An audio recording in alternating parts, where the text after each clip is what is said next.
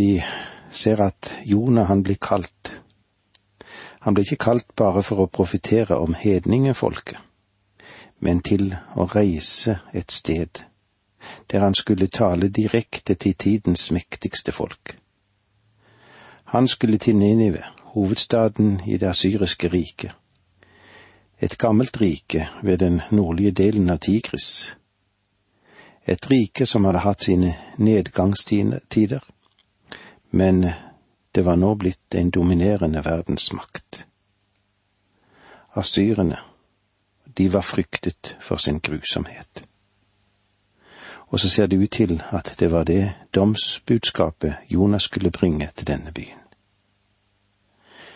Og eh, det er viktig for oss å få med oss hvem er nå denne profeten, og hva har han å si oss? Det er seks viktige punkter eller tema som antydes. Det ene er at boken i Det gamle testamentet minner oss i særlig grad om Kristi oppstandelse. Og så lærer boken oss at frelsen, den skjer ikke ved gjerninger, men det er tro som fører til omvendelse. Og eh, den tredje store hensikten som ligger nedfelt i denne boken, er at Guds nådige hensikt ikke kan omstyrtes. Jonah, han nektet å dra til Ninive. Men Gud, han var fremdeles oppsatt på at dette viktige budskapet, det må frem til Ninive. Det interessante i denne spesielle saken er at Jonah ble drevet til å vitne for Gud i Ninive. I utgangspunktet visste han ikke at han skulle dra dit, men eh, det var jo dit han kom. Den fjerde sannheten som vi finner i denne boken, er at Gud ikke vil sette oss til side på grunn av vår troløshet. Kanskje han ikke for øyeblikket kan bruke oss, men han vil ikke kaste oss fra seg. Det er mange fotballspillere som av og til må sitte på benken. Ja, er kanskje like mange på benken som de som spiller. En spiller får komme ut på banen og spille når treneren tror at han har et spesielt bidrag å komme med i kampen. Om du og jeg er troløse, så kan Gud sette oss på benken. Men eh, vi har fremdeles lagstrakten på oss, og han vil ikke forkaste oss. Når som helst vil du kanskje være tilbake i livets kamp og gjøre hans vilje så vil han tillate deg å være med på banen. Den femte sannheten er at Gud er god og nådig. Det kan vi se i Jonah 4,2, og der møter vi det mest gripende bildet som Gud har i hele Bibelen. La oss lese det sammen. Han ba til Herren, Å Herre, var det ikke det jeg tenkte da jeg ennå var i mitt hjemland? Derfor prøvde jeg først å rømme til Tarsis, for jeg visste at du er en nådig og barmhjertig Gud, langmodig og rik på miskunn, og at du kan endre din plan, så du ikke lar ulykken komme. Det er eh, feil å si at Det gamle testamentet åpenbarer en vredens gud, og Det nye testamentet en kjærlighetens gud. Han er ingen hevnens guddom i Jonaboken. Den sjette og den siste store sannhet Jonaboken gir oss, er undervisningen om at Gud også er hedningenes Gud. Da Gud valgte Abraham, sa han egentlig til hedningene. Jeg må forlate dere for en tid på grunn av en synd som er trengt inn i den menneskelige familie. Jeg kommer til å forberede frelse for dere gjennom en mann, en mann og et folk, og jeg vil bringe forløseren, frelseren, inn i verden gjennom dem. Nå har Gud en frelse for hele menneskeslekten. Ta frem Bibelen din, slå opp i Jonaboken, og skriv Romerbrevet 3.29 over Jonaboken, hvor Paulus skriver altså. Eller er Gud kanskje bare jødenes Gud? Er han ikke også Gud for andre folk? Jo, også for dem. Jonaboken avslører at selv i Det gamle testamentet glemte ikke Gud hedningene. Når han var villig til å frelse en kvinne som Rab, skjøgen, en rå og brutal folkegruppe som asyrerne er fremstilt gjennom innbyggen i Ninive, i Syrias hovedstad. Da vil jeg gjerne få si dere at Gud har gjennom hele historien hatt til hensikt å frelse hele verden. Syndere av alle folkeslag er velkommen til å få del i hans frelse, og alle frelsens frukter. Vi vil nå se litt på disposisjon og det som vi kan finne ut av Jonaboken. Studiet av Jonaboken kan ha to innfallsvinkler. Den som er mest populær og fulgt av de fleste bibelfortolkere, er å legge merke til den slående likhet der mellom Jonah og Paulus. Både Paulus og Jonah, de var hedningemisjonærer. Begge ble kastet i havet. Begge var vitne for sjøfolkene om bord i båten, og begge ble brukt til å befri sjøfolkene fra dødens grep.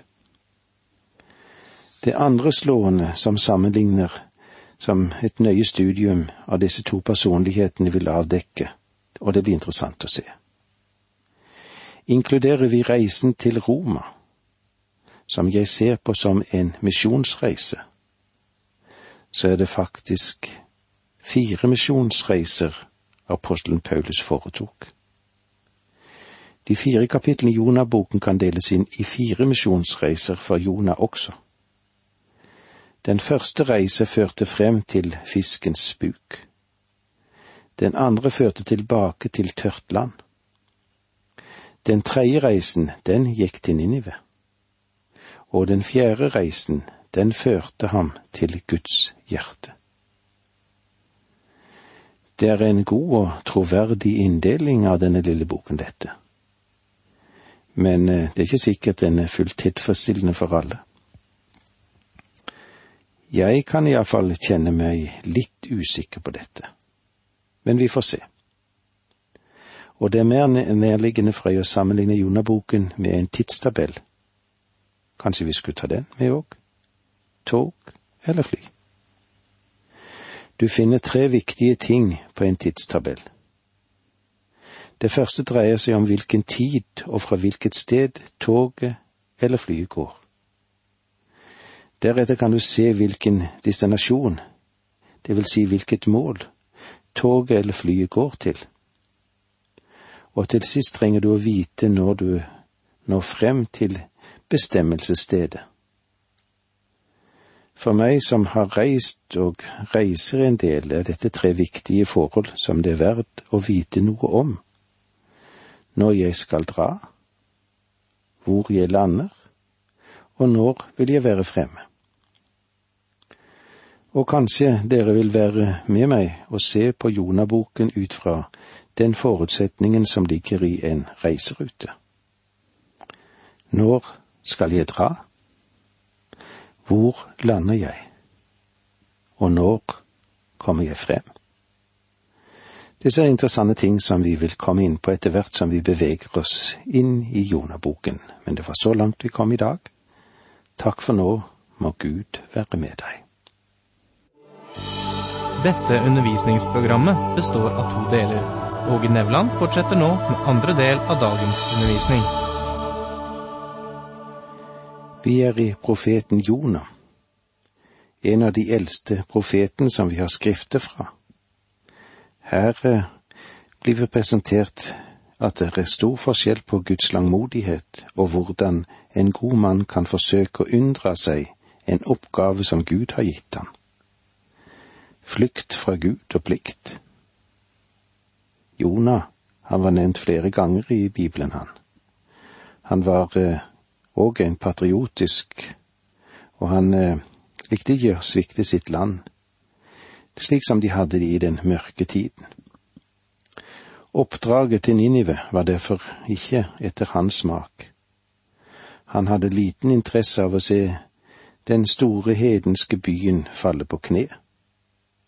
Det skulle gå enda et århundre før Jesaja Mika kunne forkynne at hedningeverden skulle vende seg til Gud. Men nå, la oss se litt på Jonas sitt kall og det oppdraget han fikk. I det første verset i kapittel én leser vi slik, Herrens ord kom til Jonah, sønn av Amitai, og det lød så. Her møter vi altså Jonas sin identitet som en profet, og som sønn av Amitai.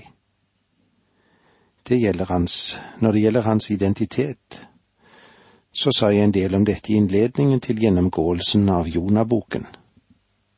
Men i vers to så står det slik, stå opp. Gå til storbyen Ninive og rop utover den at jeg har sett ondskapen der. Dette er altså Guds kall og oppdrag som Jonah har fått å dra til Ninive. Ninive kalles her for storbyen. Det var hovedstaden dette i den asyriske imperiet, og den lå ved Tigriselven. Asyria, det var selve verdensmakten på den tiden. Senere skal vi ta for oss en nøyere beskrivelse av denne byen, for den dukker opp igjen flere steder i denne boken. Her ligger vekten på den ondskap som fylte denne byen. Her møter vi en storby, men vi møter også stor ondskap. Denne ondskapen er blitt så himmelropende at Gud griper inn. Og når Gud har bestemt seg for at han vil dømme byen, det vil si hvis denne byens befolkning ikke vil vende seg om til ham, Jonah han drar nå vestover, og i vers tre her i det første kapitlet leser vi slik. Men Jonah gjorde seg klar til å rømme for Herren til Tarsis. Han dro ned til Jaffa og fant et skip som skulle dit. Så betalte han for reisen og gikk om bord. Han ville være med til Tarses. Bort fra Herren. Jonah, hva gjør han? Jo, han forlater sin hjemby, hjemby Gat-Hefer i Nordriket, Israel, og med et kall og med det oppdraget han nå hadde fått fra Gud, ville en trodd at han dro direkte til Ninive. Men Jonah måtte ha dratt østover fra Israel for å komme til Ninive. I stedet så drar Jonah i motsatt retning og det er egentlig litt merkelig, det. Han drar ned til Joppe og kjøper billett til den første båten han kan finne til Tarsis. Tarsis var en by grunnlagt av fønikerne på Spanias sydkyst, og det var et springbrett for å møte den store verden i vest. Og her har vi foran oss et større problem, etter min mening, da enn det problemet som utgjøres av Jonah i fiskens buk. Problemet i Jonah sin bok er nemlig ikke fisken, problemet er Jonah. Gud ber han om å dra til Ninive, og i stedet for det så kjøper han altså en billett til Tarsis. Gud ber han om å dra østover, men Jonah han bestemmer seg for å ikke lyde Gud og så drar han vestover. Og spørsmålet dukker da naturlig opp for oss. Hvorfor gjorde Jonah dette? Og her finnes det mange forklaringer, ja, iallfall flere forklaringer. Det første er kanskje dette. Jonah, han hatet nivinittene. Han ønsket ikke at de skulle bli frelst. Det er et av grunnlagene for dette hatet. Asyria var en av de mest brutale folkegrupper i den gamle verden. De var fryktet og hatet av alle mennesker den tid de satt med makten. De brukte svært brutale metoder når de torturerte mennesker, og kunne derfor dra informasjoner ut av sine fanger ganske lett. En av deres metoder var å dra en mann ut i ørkenen og begrave ham i sand til halsen, slik at det var bare hodet som stakk opp. Deretter stakk de en spiss pinne gjennom tungen, og etterlot ham der til døden når den varme, gjennomtrengende sola steg opp. Det ble sagt at et menneske ble gal før det døde. Det var en av de mer, skal vi si, i gåseøyne da, hyggelige terrormetoder som asyrene pustet opp. Som en armé beveget asyrene seg på uvanlig måte. En av årsakene til at babylonerne var i stand til å overvinne dem, var at den, den asyriske armeen dro så sakte frem. De tok familiene med seg og var svært lite system i det de hadde. Det var liten orden i hæren. De var som en uorganisert folkevandring som for fremover. Og det er enkelt å se at en slik herredeling hadde mange odds mot seg. Men når de da kom som en gresshoppeplage over en by eller en landsby, sies det at de var så fryktet at alle innbyggerne i byen de kom til, heller begikk selvmord enn å falle i de brutale asyrernes hender. Da kan du forstå at det ikke var noe elsket folkeslag som kom bevegende innover, det som utgjorde den da kjente verden hvor disse folkene hersket. Vi vet også at ved denne tiden gjorde asyrene flere reider inn i Nordriket Israel. I lang tid var det Syria og Nordriket som kjempet mot hverandre. Men til slutt inngikk de en pakt fordi trusselen fra syrerne i nord og øst krevde det. Men Asyria okkuperte både Syria og Israel. Når asyrene begynte å angripe et land som de ville erobre, så foretok de en del overraskelsesangrep på en eller flere byer. De tok kvinnene til fange, og så hogde de de brutalt ned, mennene og barna. Vi vet ikke sikkert, men det er grunn til å tro at asyrene under slike angrep også hadde kommet til Jonas sin hjemby, Gathefer. Kanskje de til og med hadde skjennet hjemmet hans, og kanskje han har vært vitne til at hans egen far og mor ble brutalt drept for øynene på ham eller kanskje han hadde sett sine søstre bli voldtatt av asyrene. I det minste vet vi at Jonah hatet asyrene, og han ønsket ikke at de skulle bli frelst. Og derfor drar han da i motsatt retning. Han vil ikke føre Guds budskap til dem. Kanskje en annen årsak eller grunn til at Jonah dro vestover noen kanskje kan peke på at Jonah sitt budskap ikke dreiet seg om frelse. Budskapet han hadde å bringe, var et domsbudskap. Selv om det er sant at det var formet som et domsbudskap, så kjente Jonah Gud, og det var fordi Jonah kjente Gud at han dro i motsatt retning.